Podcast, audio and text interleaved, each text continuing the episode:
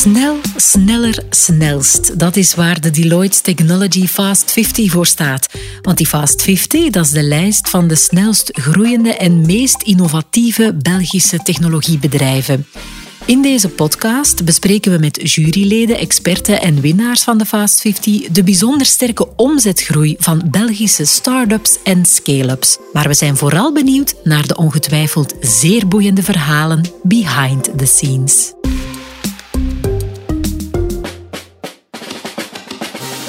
Als je bedrijf twee jaar op een rij een award van Deloitte's Fast 50 wint, ja, dan ben je als ondernemer goed bezig. En die ondernemer die dat voor elkaar kreeg, die zit hier, Joris van der Gucht, de CEO van het Gentse Silverfin. Dag Joris, welkom en proficiat ook. Hè? Goedemorgen, dank u wel. Leuk er te zijn. Ja, welke categorie hebben jullie gewonnen? Dat zal de categorie fintech zijn, ja. Ja, volgend jaar een derde keer. We gaan dat proberen, maar die groeispurten worden alsmaar moeilijker te realiseren. Ja, we hebben ook zoals altijd een expert uitgenodigd en dat is vandaag Sam Sluismans van eh, Deloitte zelf.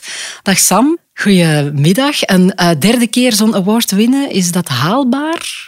Er zijn zeker een vast een aantal bedrijven die meer dan drie keer deze award gewonnen hebben. Dus dat is absoluut haalbaar. En ik denk als Silverfin nog meer verder zet op het pad van internationalisering, is dat zeker mogelijk. Je hebt het gehoord, hè? het kan, Joris. Maar we beginnen bij het begin. Uh, Silverfin, wat doet jullie bedrijf precies? Ja, Silverfin is eigenlijk een technologieplatform. We hebben een technologie ontwikkeld die toelaat uh, in de wereld van accounting en tax om de traditionele processen in wat wij noemen post-accounting stap voor stap te gaan automatiseren en om die adviseurkantoren te gaan transformeren naar datagedreven adviseurs. Ja, en hoe zijn jullie op dat idee gekomen? Het idee is eigenlijk ontstaan vanuit een frustratie. En een pril idee is ontstaan vanuit een frustratie die ik zelf had. Ik was accountant. Uh, ik heb die job altijd graag gedaan. Maar ik was eigenlijk vrij gefrustreerd in hoe we die job moesten doen. Ik heb het geluk gehad om mijn vernoten leren kennen, Tim. Uh, ik heb dat idee gepitcht. Het was een simpele, eenvoudige rapporteringstoel. Heel eenvoudig, plug and play. En we zijn er eigenlijk per direct mee begonnen om dat te ontwikkelen. Ja, je hoort dat wel vaker. Hè? Innovatie ontstaat vanuit frustratie. Het is toch nog voor iets goed, die frustratie. Maar het onderwerp van deze podcast gaat eh, over duurzame groei. En dan kijk ik even naar jou, Sam. Wat mogen wij onder duurzame groei verstaan? Wel, duurzame groei is een groei dat als je die realiseert, dat die niet het jaar daarna weg is. Enerzijds, dus dat het een aantal jaren na elkaar een bedrijf is wat kan blijven groeien en dat er ook wel rekening gehouden wordt met de rendabiliteit van die groei. Dus niet dat het even groei is en we zeggen ja, we geven alles gratis weg. En daarmee slagen we erin om te groeien. Ja, dat is geen duurzame groei. Dus we kijken hier naar een bedrijf dat echt consistent blijft groeien jaar na jaar. Ja, vermits dat jullie twee keer die award gewonnen hebben en een groei gerealiseerd van 676 procent, ja, dan denk ik dat we bij Silverfin wel van duurzame groei mogen spreken. Hè? Ja, ik denk uh, dat dat correct is. We trachten dat, uh, of we doen dit nu toch al een enkele jaren op rij. Wat is daar belangrijk? Uh, en dat is toch wel een driver die je bij de de meeste SaaS-bedrijven ziet, dat customer first principe close zijn met de klant, goed begrijpen als er iets fout loopt, de klant helpen en samen een partnership uitwerken. En dat fundament is echt wel stevig aanwezig bij Silverfin. Ja, en zijn er nog andere zaken die volgens jou ervoor gezorgd hebben dat die groei zo hoog is? Ik denk dat we een beetje het geluk hebben, hè, want eh, we moeten soms wat geluk hebben ook, om van in het begin een, een zeer uh, harde focus te hebben en die consistent uh, te behouden hebben. Hè. De focus op go-to-market, de baan opgaan, de markt begrijpen, productvalidatie, teruggaan, validatie, validatie, tot moment dat die domino valt. Die focus van in het begin in een niche is toch wel iets cruciaal uh, aan ons early succes. Ja, en de juiste mensen in dienst nemen? De juiste mensen altijd. Je kunt, allez, deze marathon, dat is een cliché denk ik, die kan je niet alleen doen. Juiste mensen starten destijds uh, met twee, mijn vernoot en ik. Wij leiden nog altijd samen dit bedrijf. Is gegroeid naar onze eerste medewerkers. Vele van hen zijn vandaag zelf nog aanwezig. Hebben belangrijke rollen vandaag binnen Silverfin. Tot leren werken met culturen. Hoe gaan we die mensen managen? Maar het gaat allemaal rond mensen. Ja, we hebben het idee, we hebben de mensen en dan moeten er centen komen natuurlijk hè, om uh, het bedrijf op te starten. Um, jullie groei daarin is ook vrij snel gegaan. Jullie hebben zelfs een paar stappen overgeslaan. Wij hebben eigenlijk, om twee stappen terug te zetten, wij zijn eigenlijk de eerste twee twee jaar en een half zeer bootstrapped geweest. Dus we hebben ons bedrijf tot een uh, miljoen recurring revenue gebracht met onze eigen centjes, het, het minimumkapitaal. Dat is een combinatie van zeer naïef geweest zijn, een combinatie van gewoon doordoen, heads down en, ervoor gaan en zeer veel nees krijgen. En dan hebben we wel gemerkt dat uh, dit product tractie heeft. We hadden nog heel veel werk, we hebben nog altijd heel veel werk, maar dan zijn we wel beginnen voelen van hier zit iets in. En dan zijn wij uh, naar validatie gaan zoeken binnen experten, een beetje smart money. hebben we een paar, de founders van Showpad, aangevuld met Jurgen Engels, smart money gehad, die ons naar de volgende groeispurt gebracht hebben. Maar eigenlijk, uh, ons probleem was een beetje, en, en Sam heeft dat correct gezegd, internationalisatie zal ons groot maken. Hè. Maar in het begin waren wij zeer lokaal. En wij wilden in essentie een beetje uit die cocoon komen van een Belgisch verhaal. Dus dan hebben wij vrij snel de stap gezet, letterlijk en figuurlijk, naar de UK-markt, om daar in die internationale context te komen en in contact te komen met een aantal internationale investeerders. Ja, en hoe lang heeft dat geduurd? Het is op vrij korte termijn gebeurd. tussen het smart money van uh, Louis Pietrian en Jurgen en uh, onze eerste significante kapitaalronde zat amper een jaar. Hè. Dus we zijn dan uh, eh, 300% in revenue gegroeid dat jaar. ja, en dan kom je wel aan tafel met serieuze investeerders en die alles willen luisteren naar dat verhaal. Ja, dan gaat het hard plots.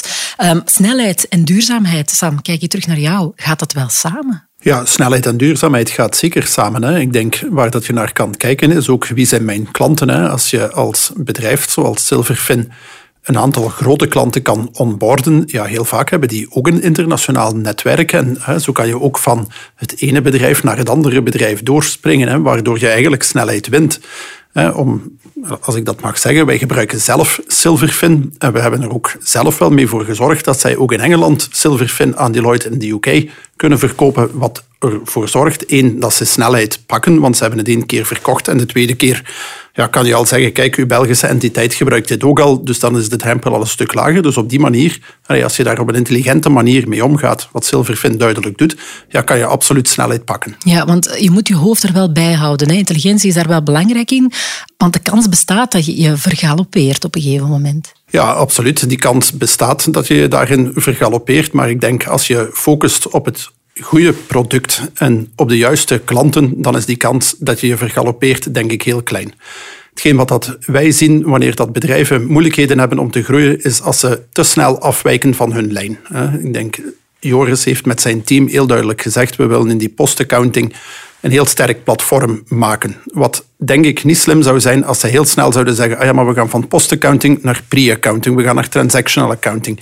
Ja, dan zien we dat bedrijven het moeilijk krijgen en dat dat meestal geen duurzame groei oplevert. Van het moment dat je zegt, ja, we gaan hier echt focussen op een sterk platform, op de juiste klanten en dan niet proberen heel veel te doen, maar echt wat we doen, goed te doen, ja, dan zie je meestal dat het wel een succesverhaal wordt. Zijn jullie inderdaad netjes op jullie lijn gebleven?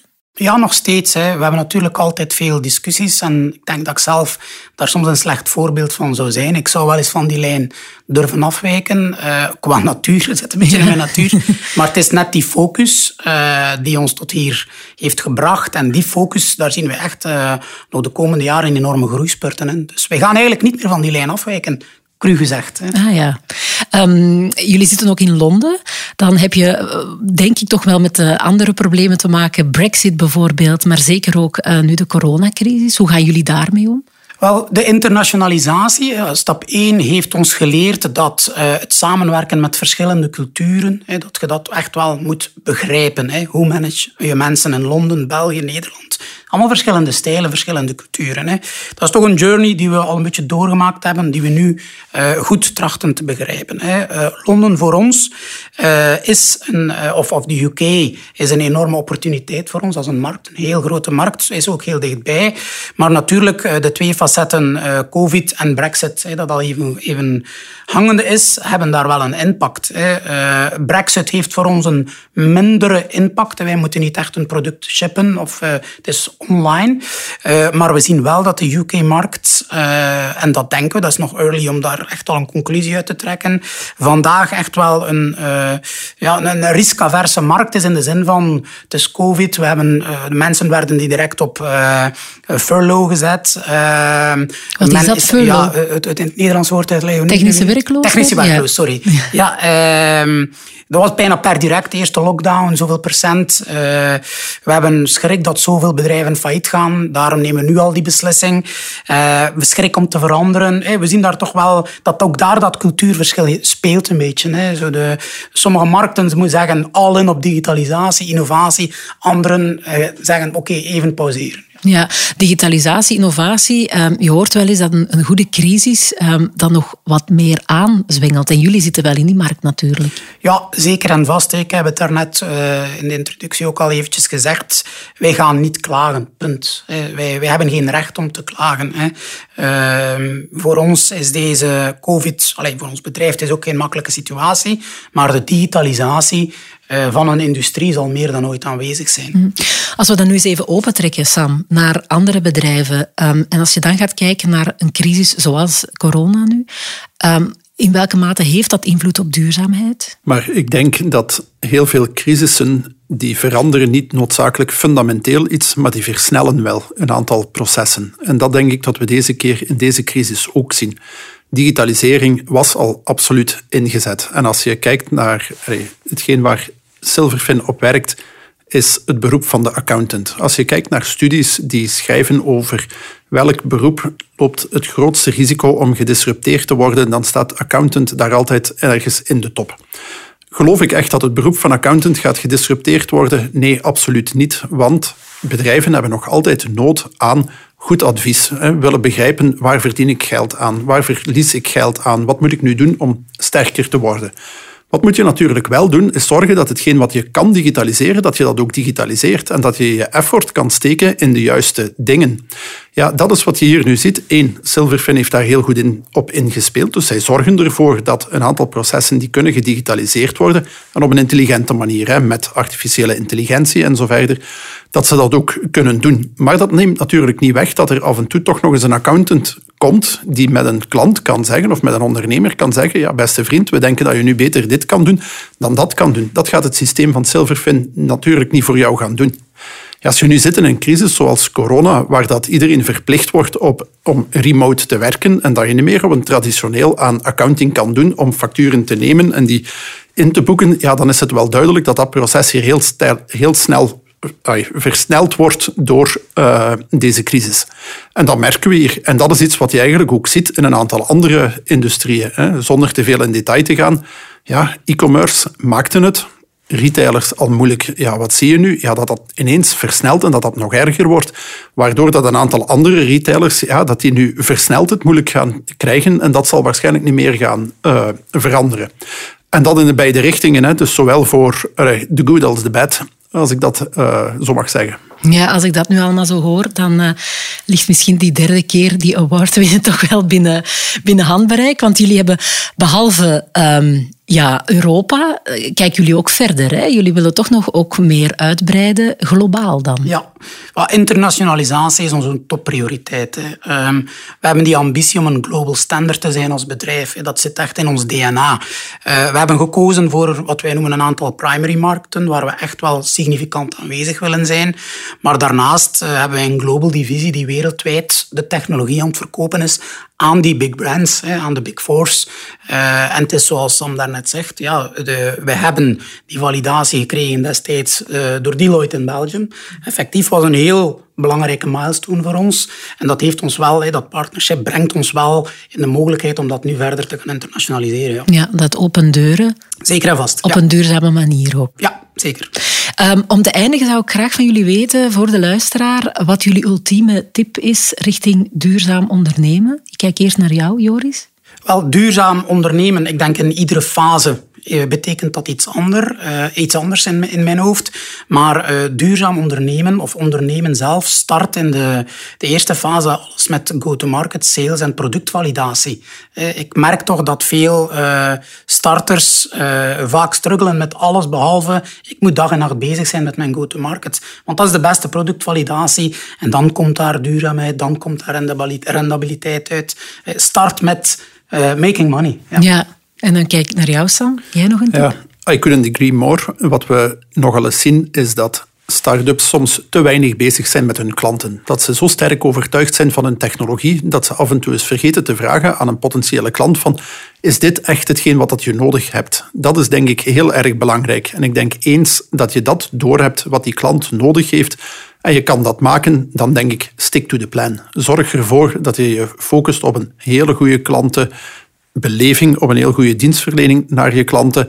Denk eraan van welke klanten moet ik hier nu benaderen. Zoals Joris terecht zegt, is start ook met een aantal bedrijven die vertrouwen kunnen creëren in de markt daarmee. Want als die klant zijn van jou, dat creëert ook vertrouwen naar andere klanten toe in de uh, markt. En dan zorg er natuurlijk ook voor dat je wel naar de cijfers kijkt. Hè. Ik denk, Joris vertelde het ook al, kan dat initieel wel bootstrapped doen, maar zijt niet bang om kapitaal op te halen. Er is op zich meer dan genoeg geld in de markt, meer dan genoeg investeerders.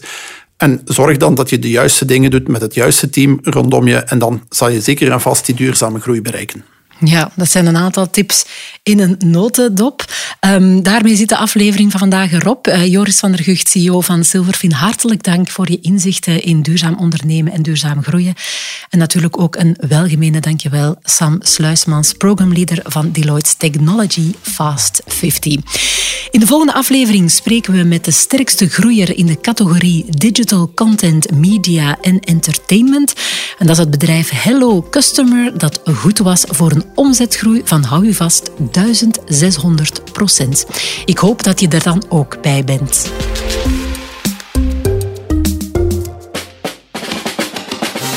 Abonneer je nu op deze podcast-app via Spotify of een podcast-app naar keuze en ontdek de winnaars van Deloitte's Technology Fast 50.